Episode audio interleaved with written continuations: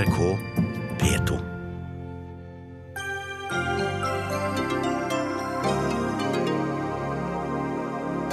Norske menn kan ta ut 46 uker med pappaperm om de bare vil, men i snitt tar de ut bare 40 dager. Hvorfor er ikke parolen på 8. mars 'ned med mannelønna'? Ulikhetene øker med Erna Solbergs regjering, slik de gjorde med Jens Stoltenbergs regjering og regjeringen før det og før det. Da kan vel partiene dele skylda og begynne å ta tak i problemet? Fire av ti kvinner jobber deltid, og halvparten av alle sykepleierstillinger som lyses ut, er deltid. Hvorfor skjer det fremdeles når alle påstår de vil ha heltidsstillinger?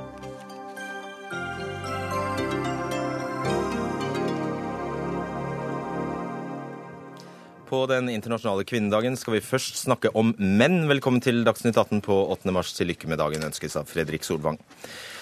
Ingen har større muligheter enn norske menn til å være sammen med barna sine mot betaling. Norske menn kan ta ut 46 uker med pappaperm om de bare vil, men i snitt tar de ut bare 40 dager. Bare én av tre tar ut de ti obligatoriske ukene med pappaperm. Under halvparten velger å ta ut ti uker eller mer. Nær én av fire menn tar ut mindre enn 20 dager. Ja, sånn ser tallene fra Nav ut i virkeligheten. Men i debatten får man jo inntrykk av at norske menn tar ut det de får. Det gjør de altså ikke. Kjersti Misje Østbakken, forsker ved Institutt for samfunnsforskning. Hvem er den typiske mannen som tar ut kvota si? Det vil altså si ti uker i dag. Ja, altså Våre analyser viser at eh, en far som tar fedrekvote, typisk en norskfødt mann, eh, han har gjerne en gjennomsnittlig yrkesinntekt og videregående utdanning eller mer.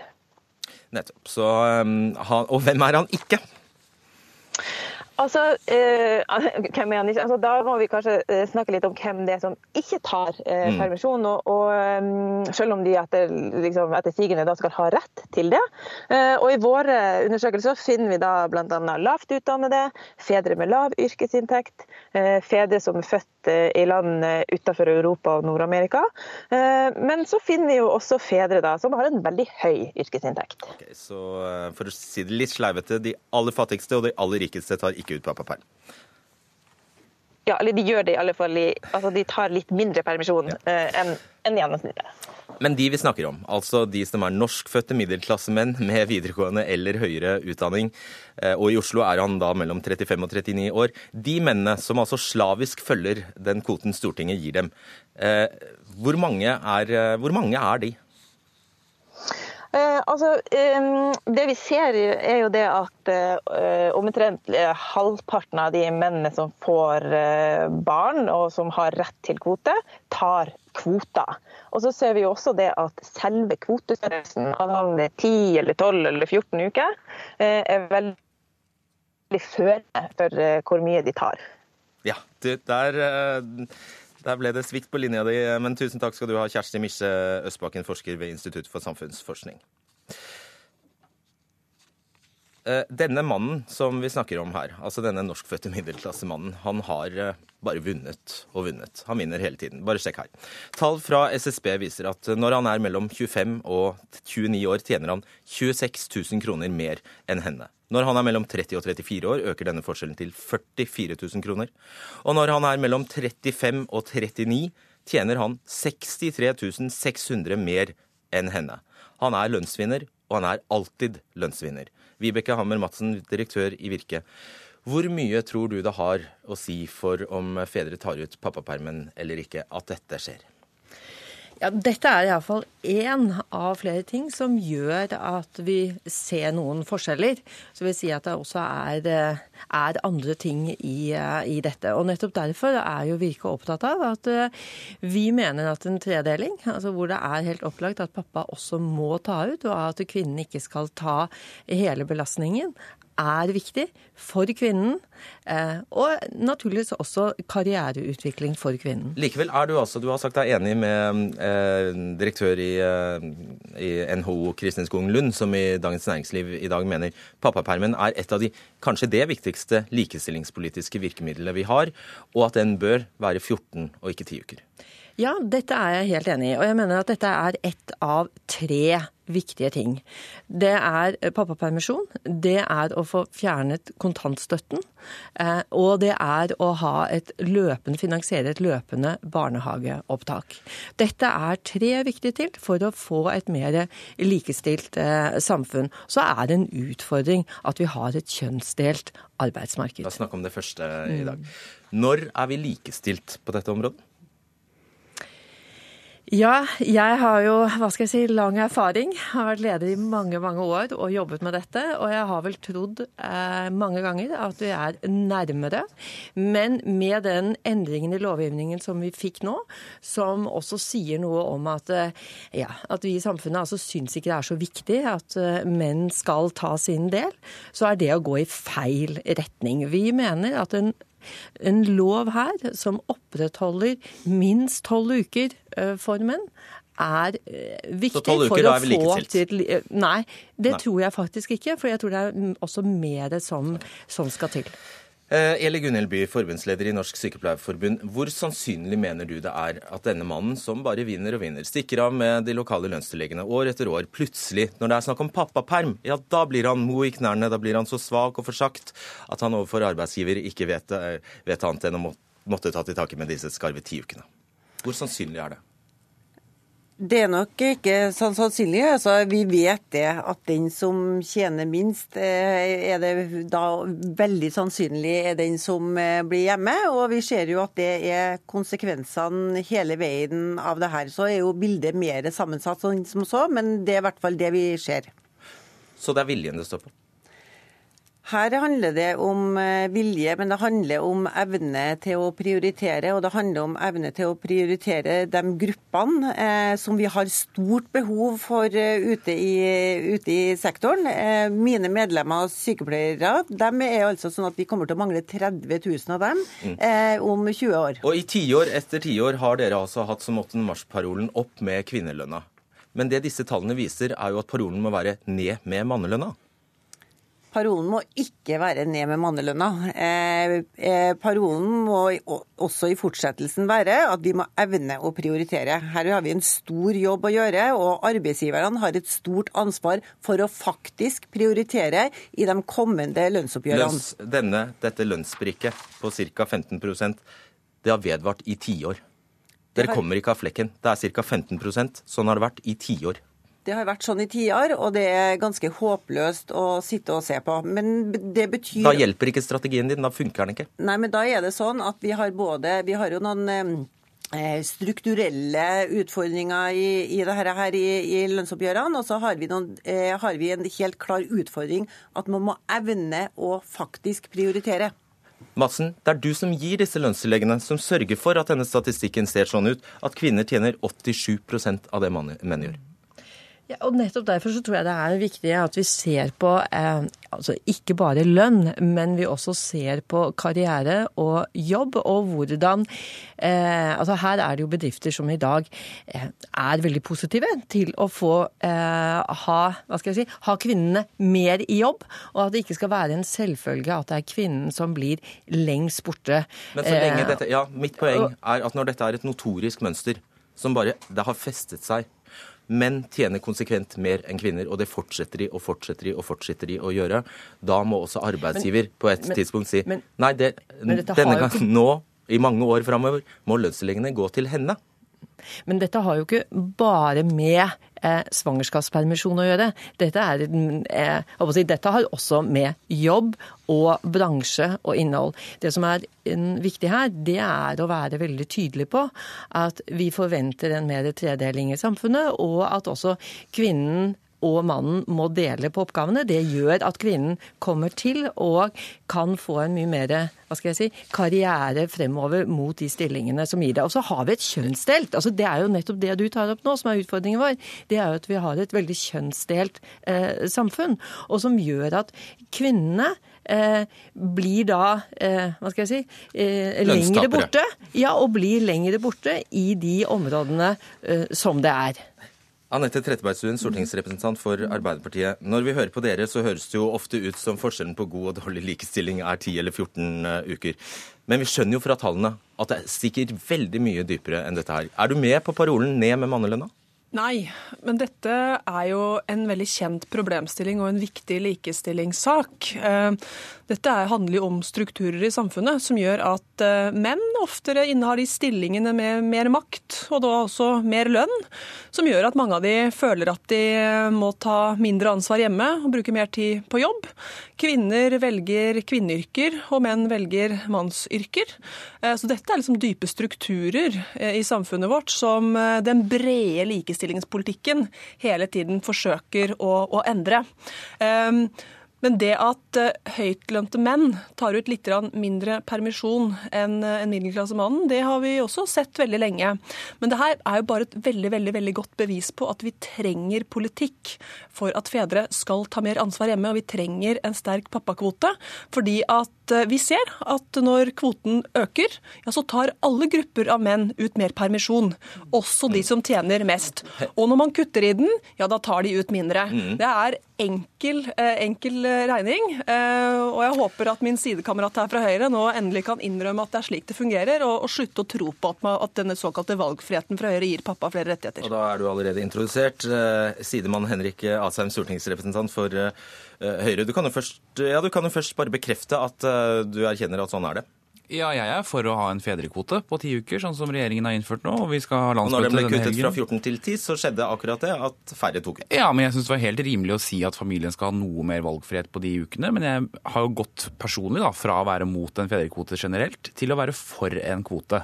For jeg, jeg ser at veldig mange menn også, og det er jo en del av de som ikke blir diskutert, det er jo at mange menn står i en kryssild mellom partneren sin, eh, arbeidsgiveren sin, og det faktum at han veldig ofte tjener mer enn kona, som gjør at det blir veldig mange gode argumenter både rundt kjøkkenbordet og på jobb for at han ikke skal ta ut mer permisjon. Og hvorfor da kutte i kvoten? Når du vet han står i kryssel? Ja, Det er nettopp fordi vi mener at Vi har jo ikke tatt fra familien permisjon. Vi sier at dette kan de bestemme selv. Men noe som hele premisset ditt for denne diskusjonen er jo nettopp at den kvoten kanskje ikke er det eneste saliggjørende. Jeg er for at det skal være ti uker som far skal ta. Men jeg mener jo at det store, viktige diskusjonen her er jo hva kommer av Er du enig eller uenig i at kvoten styrer hvor mye, hvor mye permisjon menn tar ut? Ja, det er jeg enig i. Men så mener jeg at sant, det som er hele premisset for denne debatten, er jo nettopp Nå har vi hatt den kvoten kjempelenge. Og allikevel så ser vi at far tar ikke ut noe særlig mer. Fordi du har kuttet? Nei, det er jo ikke derfor jo, det skjer. Nei, fordi du har for kuttet. Dette, dette er hele poenget. Hvis vi reduserer denne debatten her ned til om vi sier 14 eller 10 uker, så har du fordummet en ganske komplisert diskusjon som handler om alt fra hva kommer det av at kvinnelige jurister jobber i offentlig sektor og mannlige jurister i privat sektor?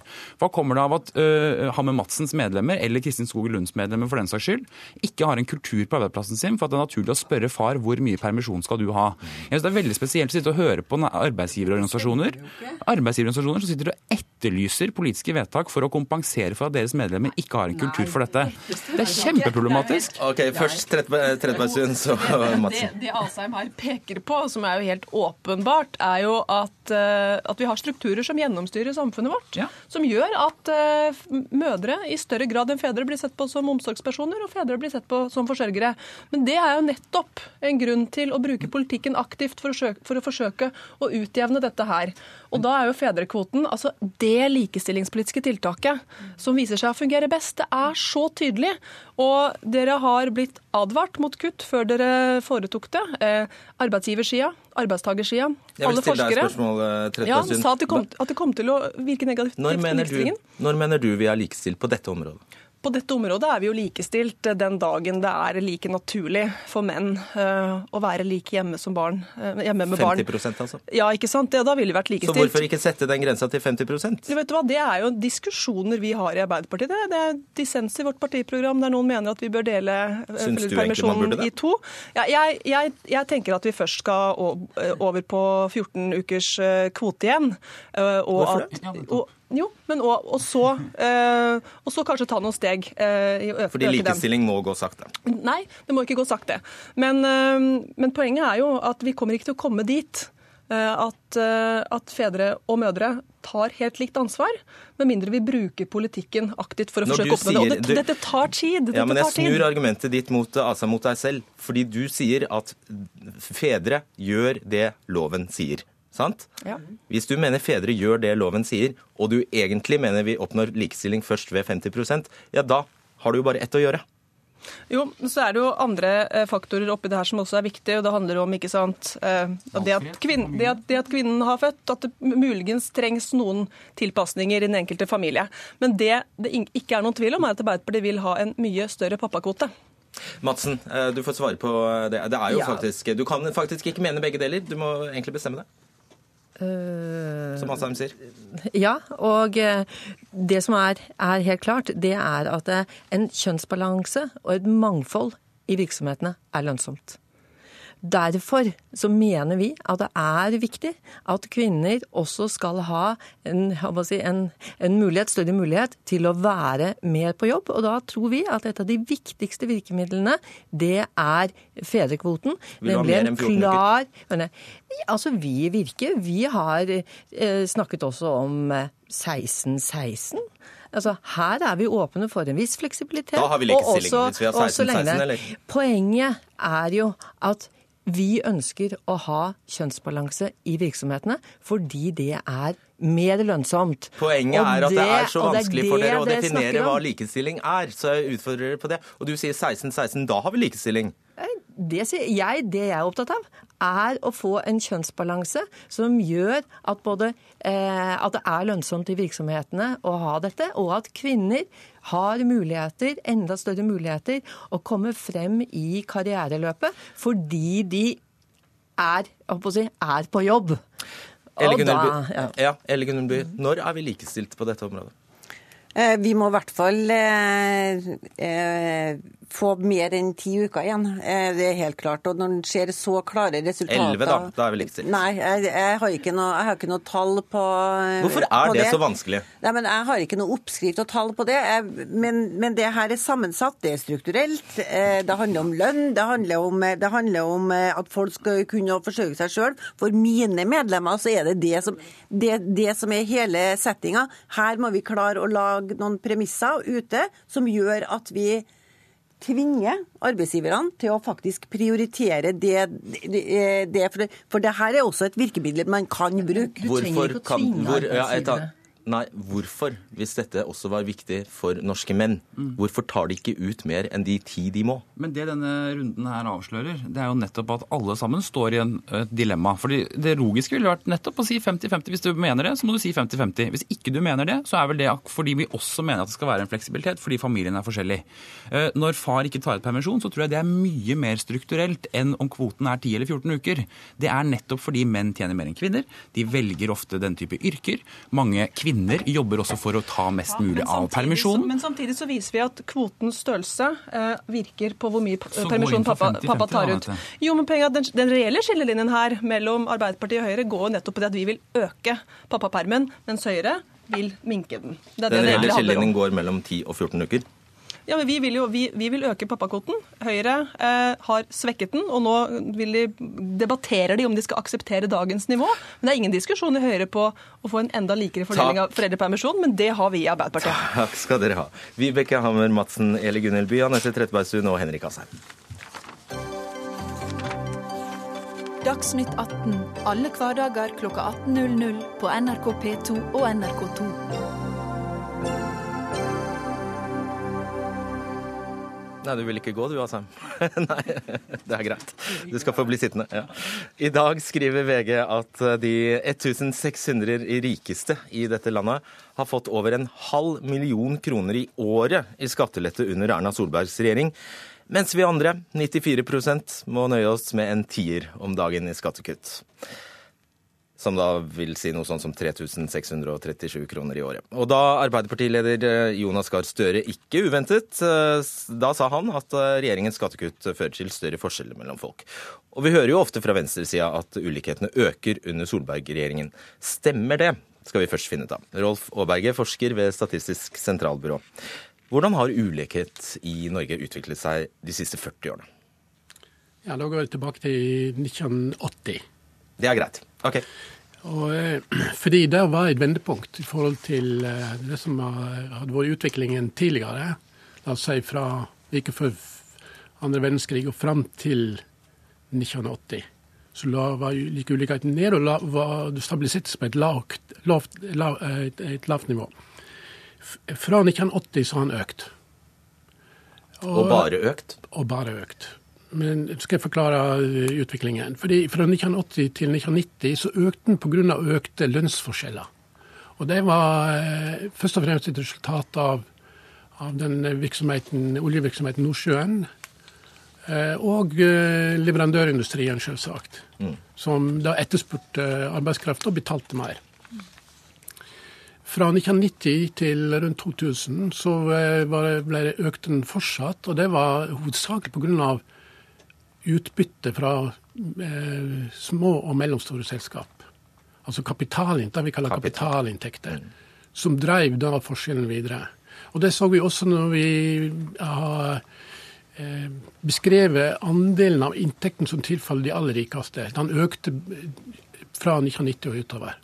Og det har han for så vidt fortsatt gjort. Men de siste 16-17 årene så har dette har blitt litt for større og vanskelig å tolke pga. at vi har hatt en rekke uh, skattereformer. Og det er en skatt som angår uh, utbytte. Utbytte fra selskap. Den, Det var først i 2001, 2006 og nå sist i 2015. Og Det gjør at det er veldig vanskelig å tolke den tradisjonelle statistikken. Så vi egentlig så bør den suppleres med andre beregninger. og Det driver vi med nå. Har ulikheten i Norge økt mer med siste regjering, altså den vi har i dag? Jeg mener det er ikke grunnlag for å si noe om foreløpig, fordi vi ikke har gjort de beregningene som jeg nettopp nevnte. Vi må gå inn i selskapene og se hvor store inntekter som ligger igjen der. Altså det vi kaller tilbakeholdte inntekter som ikke er betalt som utbytte. Når vi tar hensyn til det og gjør det hvert eneste år tilbake til ca. 2000, så kan vi si noe mer presist om det. Marianne Martinsen, finanspolitisk eh, talsperson for Arbeiderpartiet. Hva er det dere vet som SSB da ikke vet om ulikhet her i landet? Det vi i hvert fall vet, er at hvis vi ser på inntektsulikheten og den tradisjonelle måten å måle den på, altså den såkalte Gini-indeksen, som Dagsnytt 18s eh, lyttere sikkert har hørt om eh, flere ganger gjennom disse ulikhetsdebattene, at den har gjort et byks de siste par åra. Den har gått litt opp og ned, og det er helt riktig som, som Aaberge her sier, at, eh, at, vi ser jo veldig godt at den påvirkes av eh, reformer i skattesystemet. Det fikk et veldig hopp i 2006, da man jo hadde varsla at man skulle innføre utbytteskatt, og det fikk, fikk et voldsomt uttak fra bedriftene litt opp og ned, men du ser en ganske markant økning nå. Det øker ganske mye raskere enn det vi har sett, sett tendenser til før. Eh, og det er bare å kikke på grafen, så ser du det. Og så er det selvfølgelig langt mer komplisert enn som så, men ser du på inntektsulikheten, det tradisjonelle målet, så ser du at, eh, at ulikheten eh, er i ferd med å øke. Det gjorde den også sist. Kan hun si det hun sier nå, Berge? Mm, nei, jeg, men jeg er sikkert litt strengere i vurderingen av den type ting. Ja, Grunnen er sånn, sånn at i, 2000 av, i 2015 så ble det en endring av eh, selskapsskatten som også førte til eh, en økning av utbytteskatten. Og Det har noe med at uh, skatten av uh, utbytte, kapitalinntekter på toppmarginal, topp marginal, skal være lik toppskatten på lønnsinntekt. Så det, det så, Når man satte ned selskapsskatten, som er skatt på den inntekten som selskapet har, så økte man den skatten som eieren må betale i tillegg hvis han tar utbytte. Men poenget er at når du gjør noe slikt, så får, du, så får, eieren insentiv til å holde mer penger tilbake i selskapet. I påvente at alt blir gunstigere en eller annen gang i framtiden. Kanskje. Da Martinsen, ser det bare ut som ulikheten har økt? Vel, Inntektsulikheten ser vi nå eh, faktisk øker. og Så kan det ligge mer kompliserte sammenhenger bak for all del. Eh, men det er jo flere Det er jo flere grunner enn bare det som handler om skattepolitikken, til at man ser økende ulikhet i et samfunn over tid. Det er klart, De groteske utslagene som VG presenterer i dag, eh, hvor, eh, de aller rikeste får 160 ganger mer enn eh, 94 av oss, virker jo direkte inn på ulikheten. Det sier seg jo selv at det øker ulikheten eh, mellom folk. Eh, men det som bekymrer meg kanskje enda mer, det er jo at yrkesdeltakelsen i Norge nå går ned. Det har vi ikke opplevd på flere tiår. Ja, at flere står til, eh, utenfor ja. arbeidsliv. Mm. Flere på sosialhjelp, flere unge uføretrygda, eh, og flere som har vedvarende lav inntekt. Henrik Asheim, fortsatt stortingsrepresentant for Høyre. Nå trenger man faktisk ikke å være SSB-forsker for å kunne fastslå at når de 1600 rikeste får en halv million mindre i skatt, så blir de rikere. Altså Det å kutte i formuesskatten er jo noe man først og fremst gjør for å ivareta norske eiere. Uh, og det er helt riktig som SSB sier, at de, altså, i den grad man kan se på ulikhet sånn sett, så handler det vel så mye om skatteplanlegging, bare varslede endringer, f.eks. i skatteforlik som Høyre og Arbeiderpartiet var med på. Så det er ikke så veldig rart. Det, hvis du hadde fjernet hele formuesskatten, så hadde du faktisk nesten ikke hatt noe utslag på ulikhetsindikatoren. Fordi den store forskjellen er at altså, den store driveren for økt ulikhet er innvandring. Det er det faktum at du får mange flere innbyggere i Norge som har lav inntekt og lav utdanning. og Det gjør at forskjellene øker. Forskjellene raste, eh, altså ble mye mindre da finanskrisen rammet. For da kollapset børsene. Men mange som fikk bedre av den grunn. Så det er en veldig sånn dårlig måte å sammenligne dette her på, som Arbeiderpartiet liksom, syns jeg forenkler en veldig komplisert diskusjon med å si disse fem milliardene i formuesskatt som er redusert. Ja, Men du benekter selvfølgelig ikke at når du gir så mye skattelette til 1600 mennesker, så øker forskjellene forskjellene? Altså Når vi kutter i formuesskatten, så er ikke det først og fremst for å redusere forskjellene. Det er for å sikre Nei, det, arbeidsplasser. Men, ja, ja, men jeg bare sier at det skjer, og det er du enig i. Ja. Men, men, det er jo en politikk som med kirurgisk presisjon faktisk øker forskjellene. Eh, og Høyre lever jo fortsatt i den tro at, eh, at ved å gjøre de mer velstående enda litt mer velstående, Nei. så vil du få mer aktivitet, mer arbeidsplasser. Vel utprøvd i mange andre land, og det fungerer rent faktisk ikke. Men det du eh, også men, kan ta til deg, Martinsen, er jo at Aaberg sier at dette begynte på 80-tallet. Og da, Gjett hvem som styrte landet da? Vel, altså Det har vært vekslende regjeringer siden 80-tallet. Men ja. vi så at ulikhetene økte kraftig inn mot 2004. Hvis vi skal snakke om disse Gini-tallene, så, så, lå vi eh, rekordhøyt eh, da. Gikk noe ned gjennom vår regjeringsperiode, og nå øker det ganske kraftig igjen. Og så er det selvfølgelig flere mekanismer bak. Skattepolitikken er noe av det. At vi har en passiv arbeidsmarkedspolitikk, ser på at flere unge faller varig utenfor. En del av det. Innvandring åpenbart en del av det. Men vi hadde altså tidenes arbeidsinnvandring mens vi satt i regjering. Vi fikk østutvidelsen i 2004, gjorde at mange mange mennesker kom til Norge, jobba for lavere lønninger enn det vi har vært vant til i dette landet. Og allikevel så gikk ikke forskjellene dramatisk opp i Norge gjennom den perioden. Og Det er faktisk et resultat som er ganske oppsiktsvekkende, og, og som, som, selvfølgelig altså hadde, man, hadde man ført en politikk sånn som sittende regjering gjør, hvor man aktivt forsterker forskjellene i stedet for å forsøke å bekjempe dem gjennom eh, en solid arbeidsmiljølov, okay. organisert arbeid, eh, arbeidsliv, gjennom å bruke skattesystemet til faktisk å fordele okay, altså, altså vi, eh, nedover i stedet for oppover, altså, så vil jo dette sett annerledes ut. Si, det er litt rart at du sier det, Marianne Martinsen, for du skulle skulle gå til frontalangrep på regjeringen på økende forskjeller, og så brukte du tall fra da dere satt i regjering. Så du fikk en sånn skikkelig bumerang. Så hvis du nå mener at det ikke økte forskjellene, når du skulle kritisere oss for at forskjellene økte under dere nå, så må du bestemme deg for hva som er argumentet ditt. Og det andre, punkt to, men kan ikke jeg få fullføre, Marianne? Fordi det andre er at Norge er det landet i Europa med nest minst forskjeller. Hva kommer det av? Det kommer ikke, altså for det første har vi et skattesystem som gjør at de 40, altså 40% av skatteinntektene kommer fra de 10% rikeste. Det andre er at vi har et samfunn hvor veldig mange eier boligen sin. Eh, vi sørger for at veldig mange av de innvandrerne som kommer til Norge, faktisk får utdanning og jobb. Veldig mye fungerer veldig bra. Så jeg syns det er liksom, liksom pussig å si at uh, når vi styrer nå, så er liksom alt gått uh, gærent. Når det vi vet er at forskjellene økte under den rød-grønne regjeringen, og de gjør det nå. Og grunnen til det er at du har økt innvandring. Det er det som er den store forklaringen. SSB sier selv de som er overrepresentert i tallene på de som har lav inntekt og lav utdanning, det er innvandrere. Men så ser vi også at, eh, at en tendens nå er at vi får større ulikhet internt i yrkesgrupper. Folk som jobber med akkurat det samme, eh, får større lønnsforskjeller.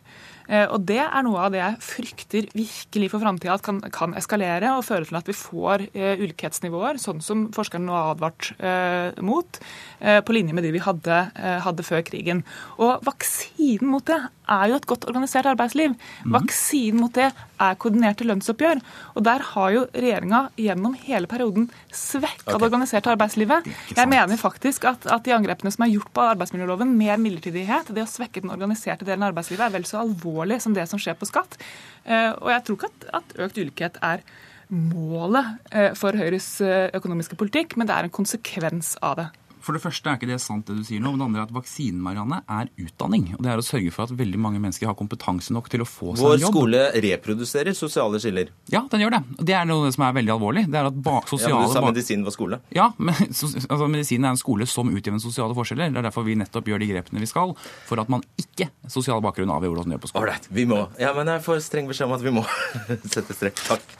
Rolf Aaberge, Marianne Martinsen og Henrik Asheim.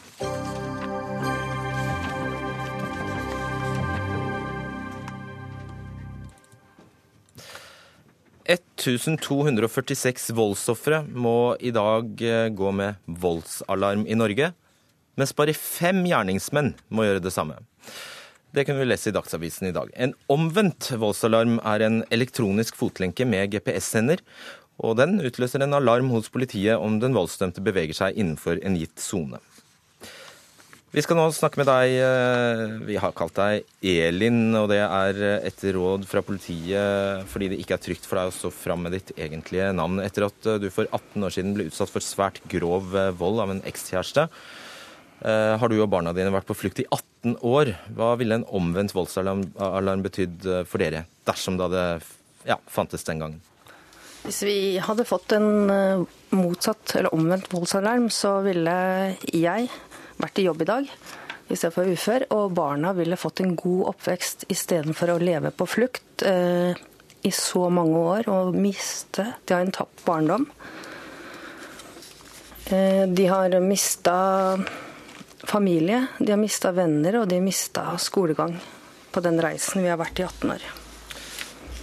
Kan du beskrive hvordan det har vært for eh, deg og barna å være på flukt egentlig i 18 år? Det er veldig vanskelig å beskrive på så kort tid, men det er som å lukke døra til eh, livet. Eh, du stopper helt, Livet stopper helt, for du har verken en fortid, for vi kunne ikke fortelle hvorfor vi kom til der vi flytta, og vi visste heller ikke når vi skulle ut av det. Hele livet vårt stoppa, og der satt vi. Jeg tror jeg kan si det sånn at det er verre enn et fengsel, for vi hadde ikke noe permisjon, og vi hadde ikke noe tid når vi skulle få til å komme ut. Er man redd hele tiden? Ehm, jeg pleier å forklare at hvis du har sett en grøssefilm, og du er sliten og du er redd etter én time i den filmen, så dette her er som å være hovedpersonen i en grøssefilm, men ikke i én time, men i 18 år. Forferdelig slitsomt. Når du da hører at så få voldsutøvere dømmes til å bære omvendt voldsalarm, hva tenker du? Eh, jeg tenker at det for det første er helt forferdelig, for at politiet har fått den redskapen de trenger for å bruke omvendt voldsalarm. Og våre liv ligger i politiets hender. De er de eneste som kan beskytte oss her sånn i landet vårt. Det er eneste som kan gjøre noe, det er politiet. Og hvis ikke de gjør noe, så, ja, så blir vi jo drept. Og det har vi jo sett.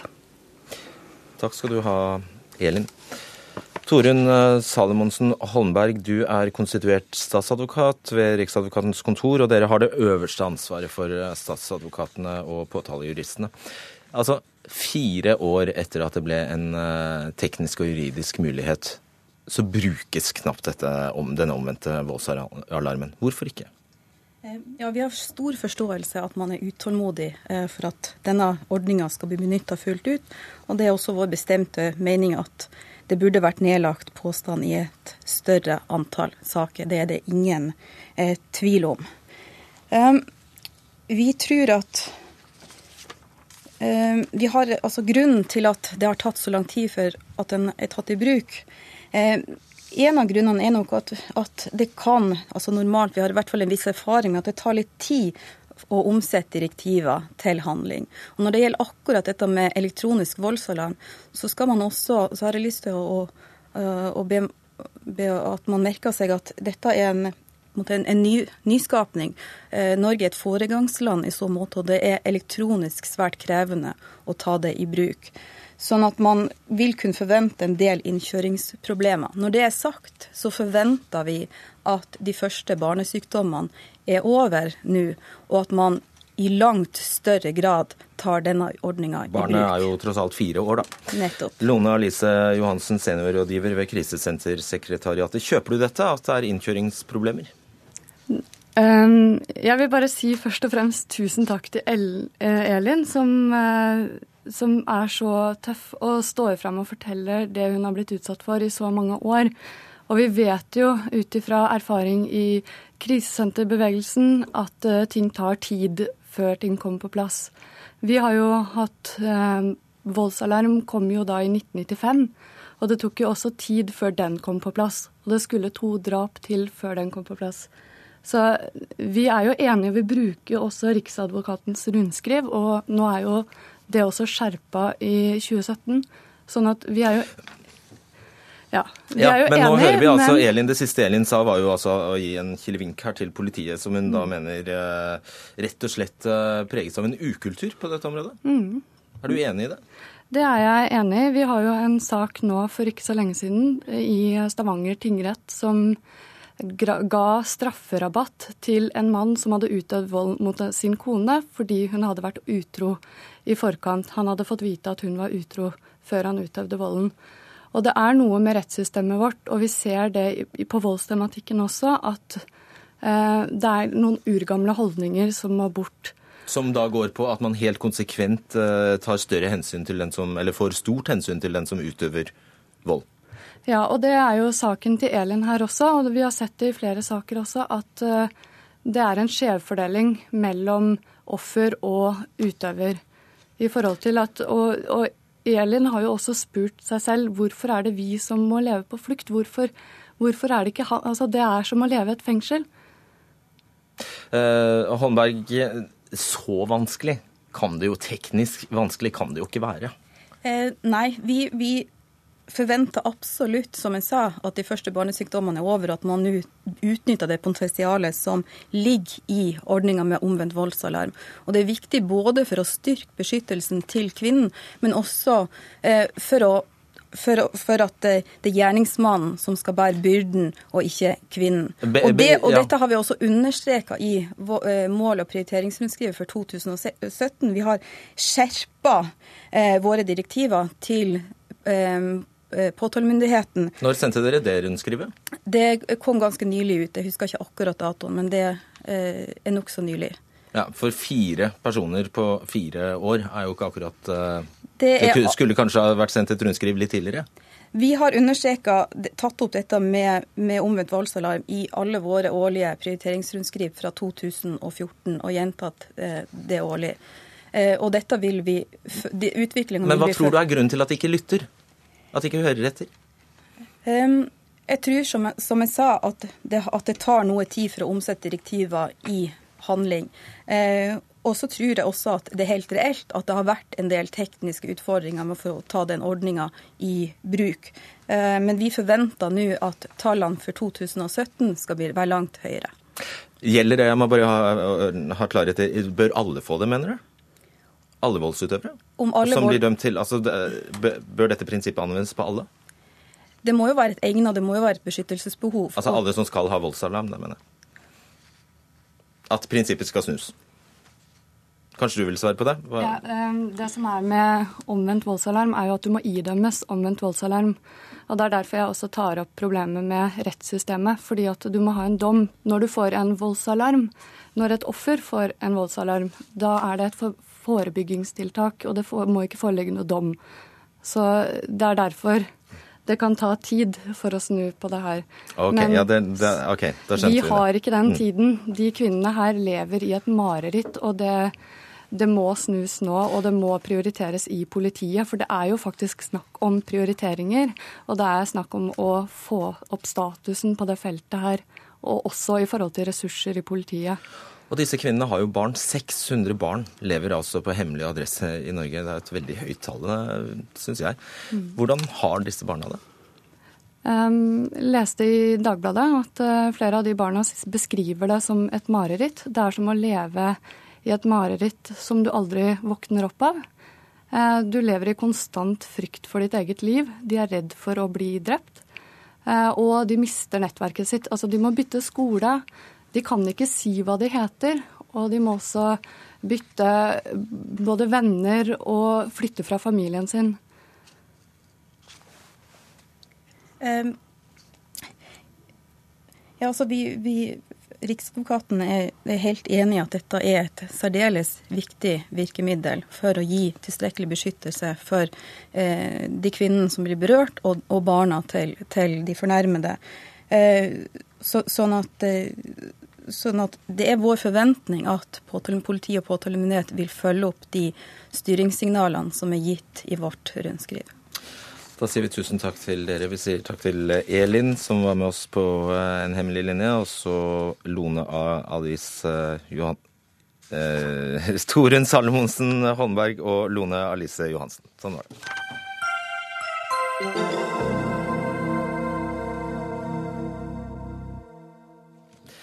Vi har hørt det før, men ting blir altså ikke bedre.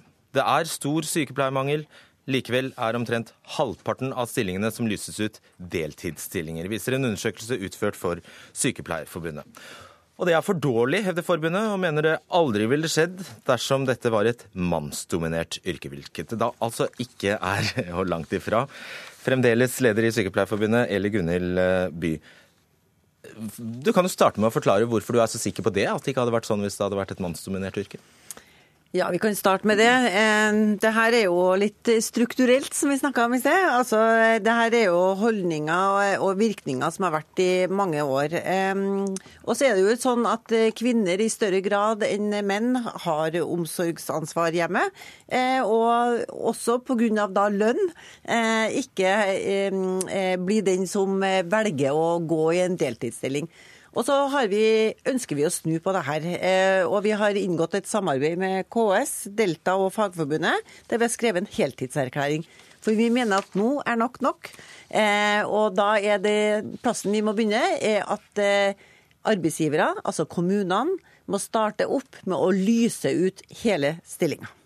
Selv om de ikke vil ha det. Altså sju av, eller det er faktisk åtte av ti kvinner som jobber deltid, vil ikke ha det. Unnskyld, vil ikke ha heltid. Ja, nå er det sånn at eh, ca. 50% av våre 100 000 medlemmer jobber i deltidsstilling.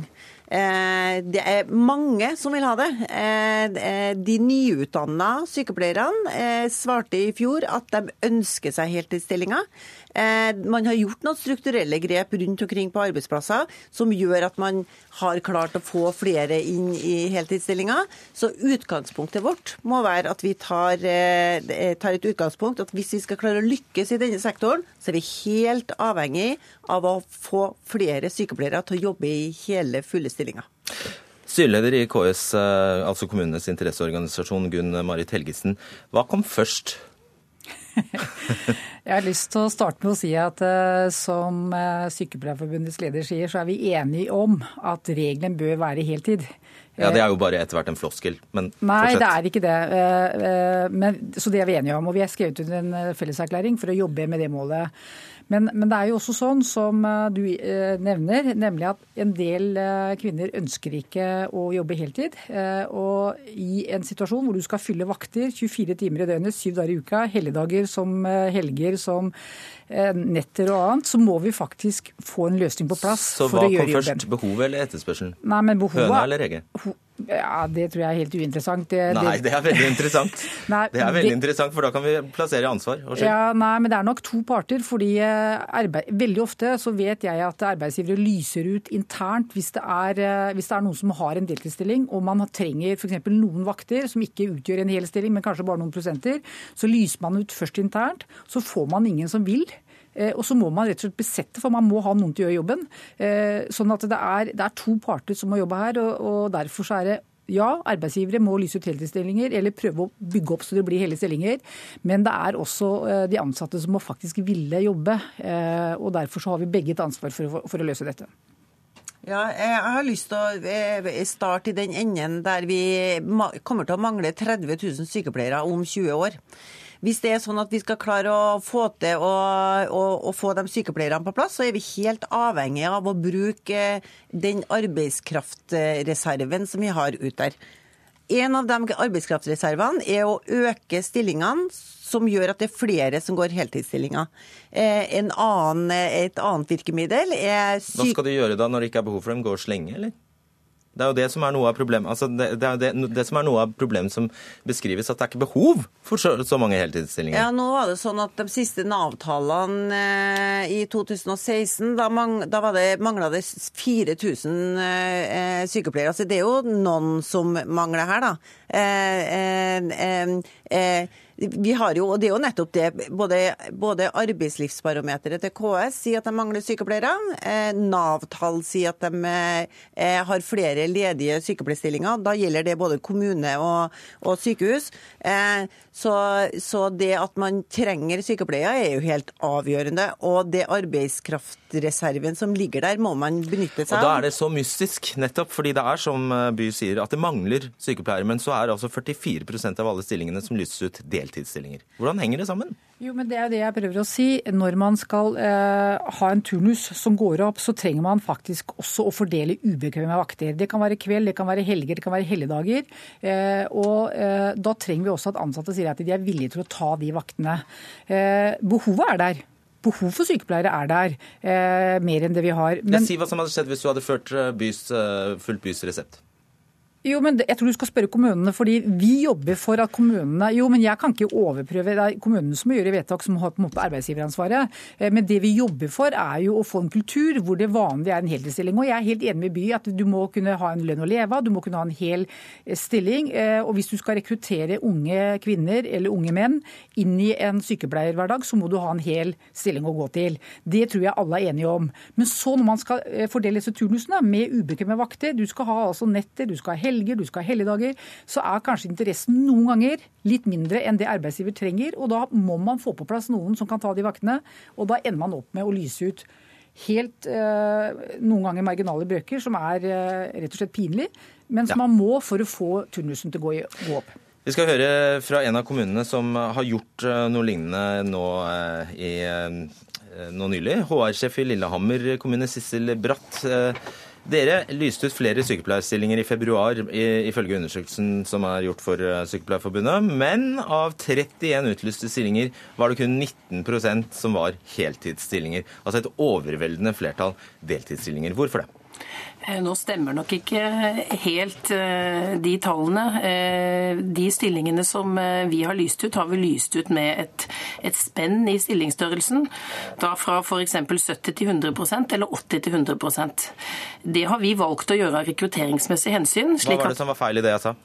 Nei, Det betyr at det er mulig å få 100% stilling dersom de sykepleierne ønsker det. Når de er inne i rekrutteringssituasjonen i intervjuet, så spør vi kandidatene og hva slags type stillingsstørrelse de ønsker.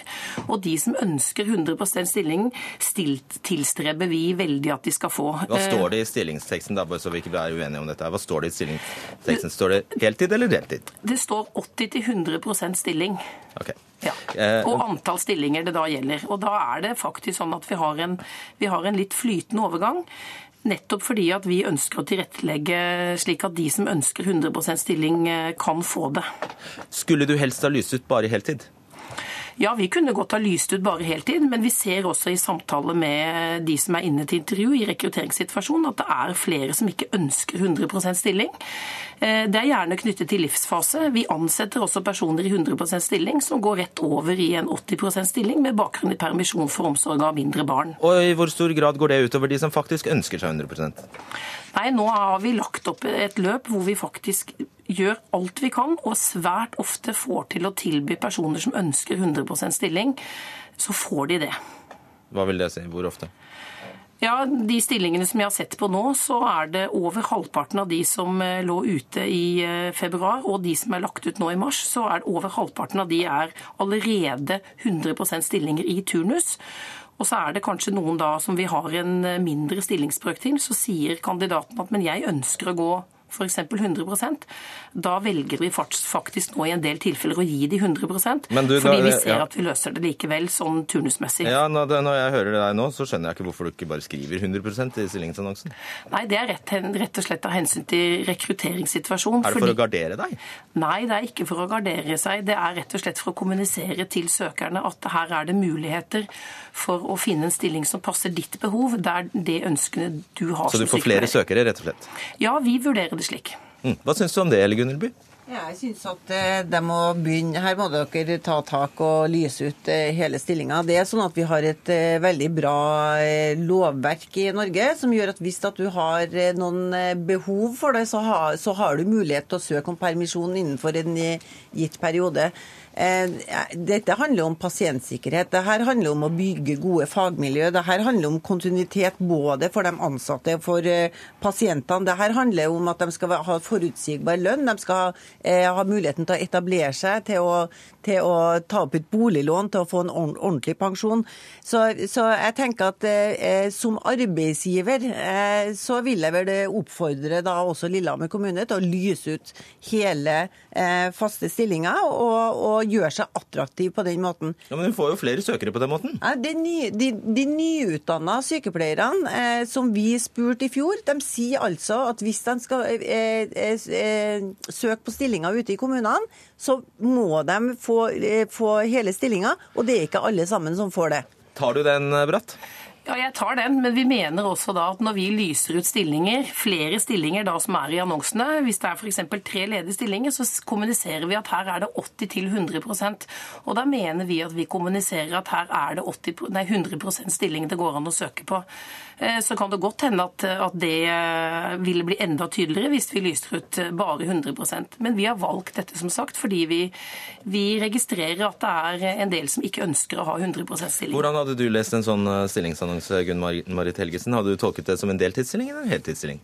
Nei, Hvis jeg var på jakt etter en heltidsstilling, så ville jeg tolke det som det. Med den åpningen og fleksibiliteten som, som Bratt sier. Men jeg, jeg, jeg, har lyst til å ikke la Eli Gunhild By slippe så billig. Fordi eh, det, er, det, det, er, også et ansvar for de tillitsvalgte eller for Sykepleierforbundet å bidra til at eh, de ansatte faktisk skal, altså at reglene er 100% Og vi jobber veldig med det i forhold til kommunene.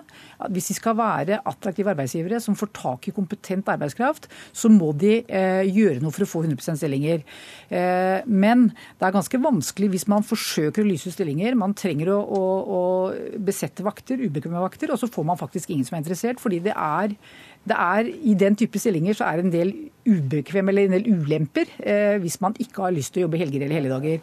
Så jeg tror at vi begge skal fortsette det arbeidet for å bistå og hjelpe til at det blir mest 100 stilling, at det er regelen. Men der har også Sykepleierforbundet en jobb å gjøre. Svar kort på det. Ja, vi, en, eh, vi, skal gjøre jobben vår. Jeg må nødt til å kommentere det her med ubekvemme vakter. Det er sånn at eh, alle sykepleiere, alle, ikke alle, men, men, de fleste sykepleierne jobber turnus.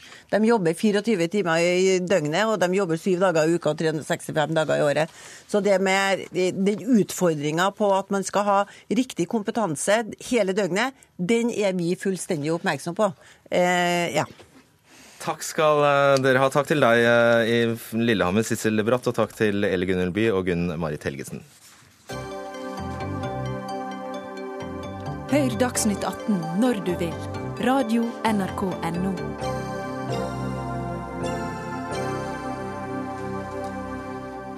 Sørsamisk sydisdans, klinkbåtbygging, tradisjonell slått med ljå.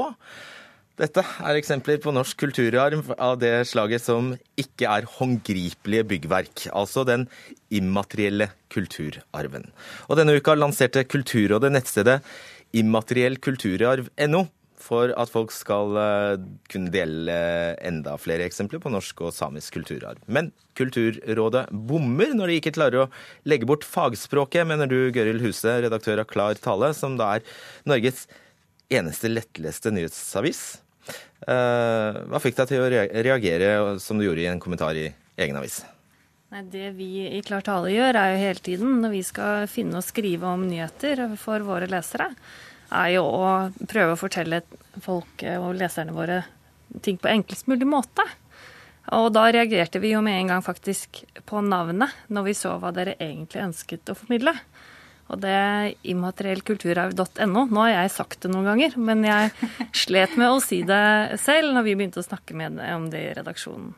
Vil du stave, vil du stave det for oss?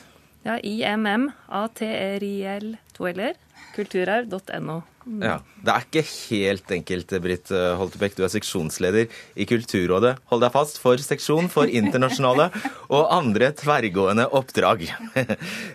Hvem forsøker dere å nå med denne siden? Eh, dette er en side som er i en oppfølging av Unesco-konvensjonen om, om vern av immateriell kulturarv. Eh, vi forsøker å nå ut eh, bredt til alle som er interessert i å legge inn eh, informasjon om immateriell kulturarv som oppfyller bestemte krav i den Unesco-konvensjonen. Og det er jo ikke overraskende for meg, og en diskusjon vi selv har hatt internt når det gjelder navn og hva vi skal kalle dette. Og jeg, vi er helt enig i at vi skulle gjerne hatt et enklere navn. Eh, og samtidig så har utfordringen for oss vært å finne et navn som også har den lenken til den Unesco-konvensjonen og de fagtermene som blir brukt der. Kan du bare ta oss litt tilbake, to, to, skritt tilbake og forklare hvorfor vi skal ha en sånn liste? Mm. Altså UNESCO, UNESCO, det er altså en UNESCO-konvensjon om immateriell kulturarv fra 2003. Og den, og den, har altså Norge valgt å gjøre gjeldende her, her i Norge. Og et av kravene til Norge i den konvensjonen er å ha en liste over immateriell kulturarv i Norge. Så det er den enkle forklaringen. Men kunne den egentlig ha ligget uh, i papirutgave og støvet ned et, et, eller annet sted? Det kunne absolutt gjort. Og, og, vi har også vurdert om det da er andre lister som vil på en måte være tilstrekkelig. Eh, for å, for å kartlegge kultur, immateriell kulturarv i Norge. men men har kommet til at en, en sånn liste, og en sånn liste som er åpen, er mer i tråd med det Unesco-konvensjonen stiller krav om. Og nå skjønner vi jo at faktisk immateriell kulturarv er det mest presise de kunne komme på av navn. Det er det mest presise i forhold til det som kalles kulturterminologi. Men det fins ikke et, egentlig et godt ord på norsk her. Men det vi er opptatt av, eh, og som jeg reagerte på, er jo at dere faktisk inviterer folk inn til å bidra til denne siden. For å få til denne listen, så må du og jeg bidra. Vi skal legge inn det som er vår tradisjon, vår immaterielle kulturarv. Eh, det som ikke er håndgripelig. Noe som vi, også språk faktisk, eh, inviterer dere til. Friluftsliv, andre ting ligger allerede inne. Men for å faktisk være med i den dugnaden som dere inviterer til, mm. så må man jo klare å komme seg inn på siden og bidra. Så må man greie å stave i materiell ja, kulturarv. Og vi syns det er veldig leit, for det er jo å ekskludere faktisk veldig mange mm. som, dere, som, har masse meninger om dette, mm. ved å ha et sånt nettsted. Og vi ønsker å øke bevisstheten rundt faktisk det å bruke språk på en enkel måte. At det er mange der ute Har du et forslag da, til eh, alternativ? Selvfølgelig har jeg et forslag til Det enkleste er delkulturarv.no. Det er jo faktisk det dere inviterer alle til å gjøre. Og så kan dere forklare hva immateriell kulturarv er. Kanskje betalt masse penger for uh, nettstedet Immateriell kulturarv allerede, Haltebekk?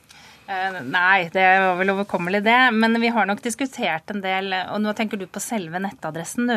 Og det skal vi absolutt ta med oss og vurdere. Vi har også vurdert å, å ha som hovedtittel på selve siden. Da har vi vurdert uh, alt fra vår hverdag, vår kulturarv, dagliglivets kulturarv osv. Eh, det som er litt problematisk med det, er jo at vi vil ha med det med den immaterielle kulturarven, som er noe annet enn den fysiske, stedsbestemte kulturarven. Ja, men det er vel ikke Du skal filtrere, liksom? Det er ikke sånn at alt, er, alt som sendes inn, havner på, på nettsiden? Vi filtrerer så i utgangspunktet ikke eh, på denne siden. Der er det opp til de som registrerer seg på siden, å legge inn informasjon om immateriell kulturarv som de syns er viktig, og høre hjemme i en sånn liste. Så har vi et forbehold om det som er f.eks. ulovlig innhold osv. Mm. Altså Hvis du skulle løfte dette litt opp, eh, er dette typisk for Kulturrådet? Jeg kjenner ikke Kulturrådet på denne måten, så det kan jeg ikke svare for. Men det er ofte eh, som vi legger merke til, er jo eh, statlige institusjoner eller andre som ikke nødvendigvis har de svake gruppene, eller andre med, som trenger eh, tilrettelegging i tankene.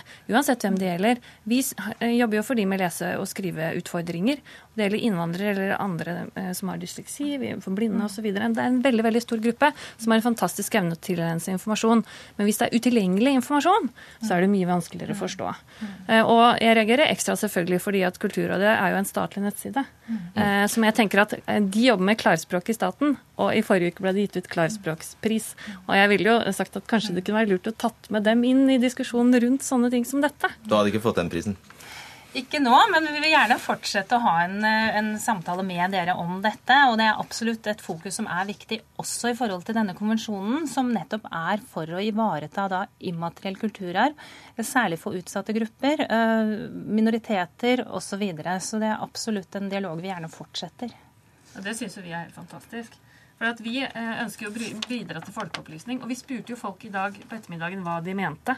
Eh, og hva er immateriell kulturarv? For det er jo også vanskelig å forstå. Må si på ti sekunder. Ja, Immateriell eh, kulturarv er rettigheter. altså opphavsrett og sånne ting, fikk vi til svar. Og det har jeg aldri hørt om. Men nå håper jeg jo at faktisk folk vet hva det betyr. Kanskje. Vi håper det. La oss håpe det. Takk, Gøril Huse og Britt eh, Holte Bech. Dagsnytt 18 er over for i kveld. Ida Tune Øresland, Ida La Laral Brenna og Fredrik Solvang takker for seg. God kveld. Hør flere podkaster på nrk.no podkast.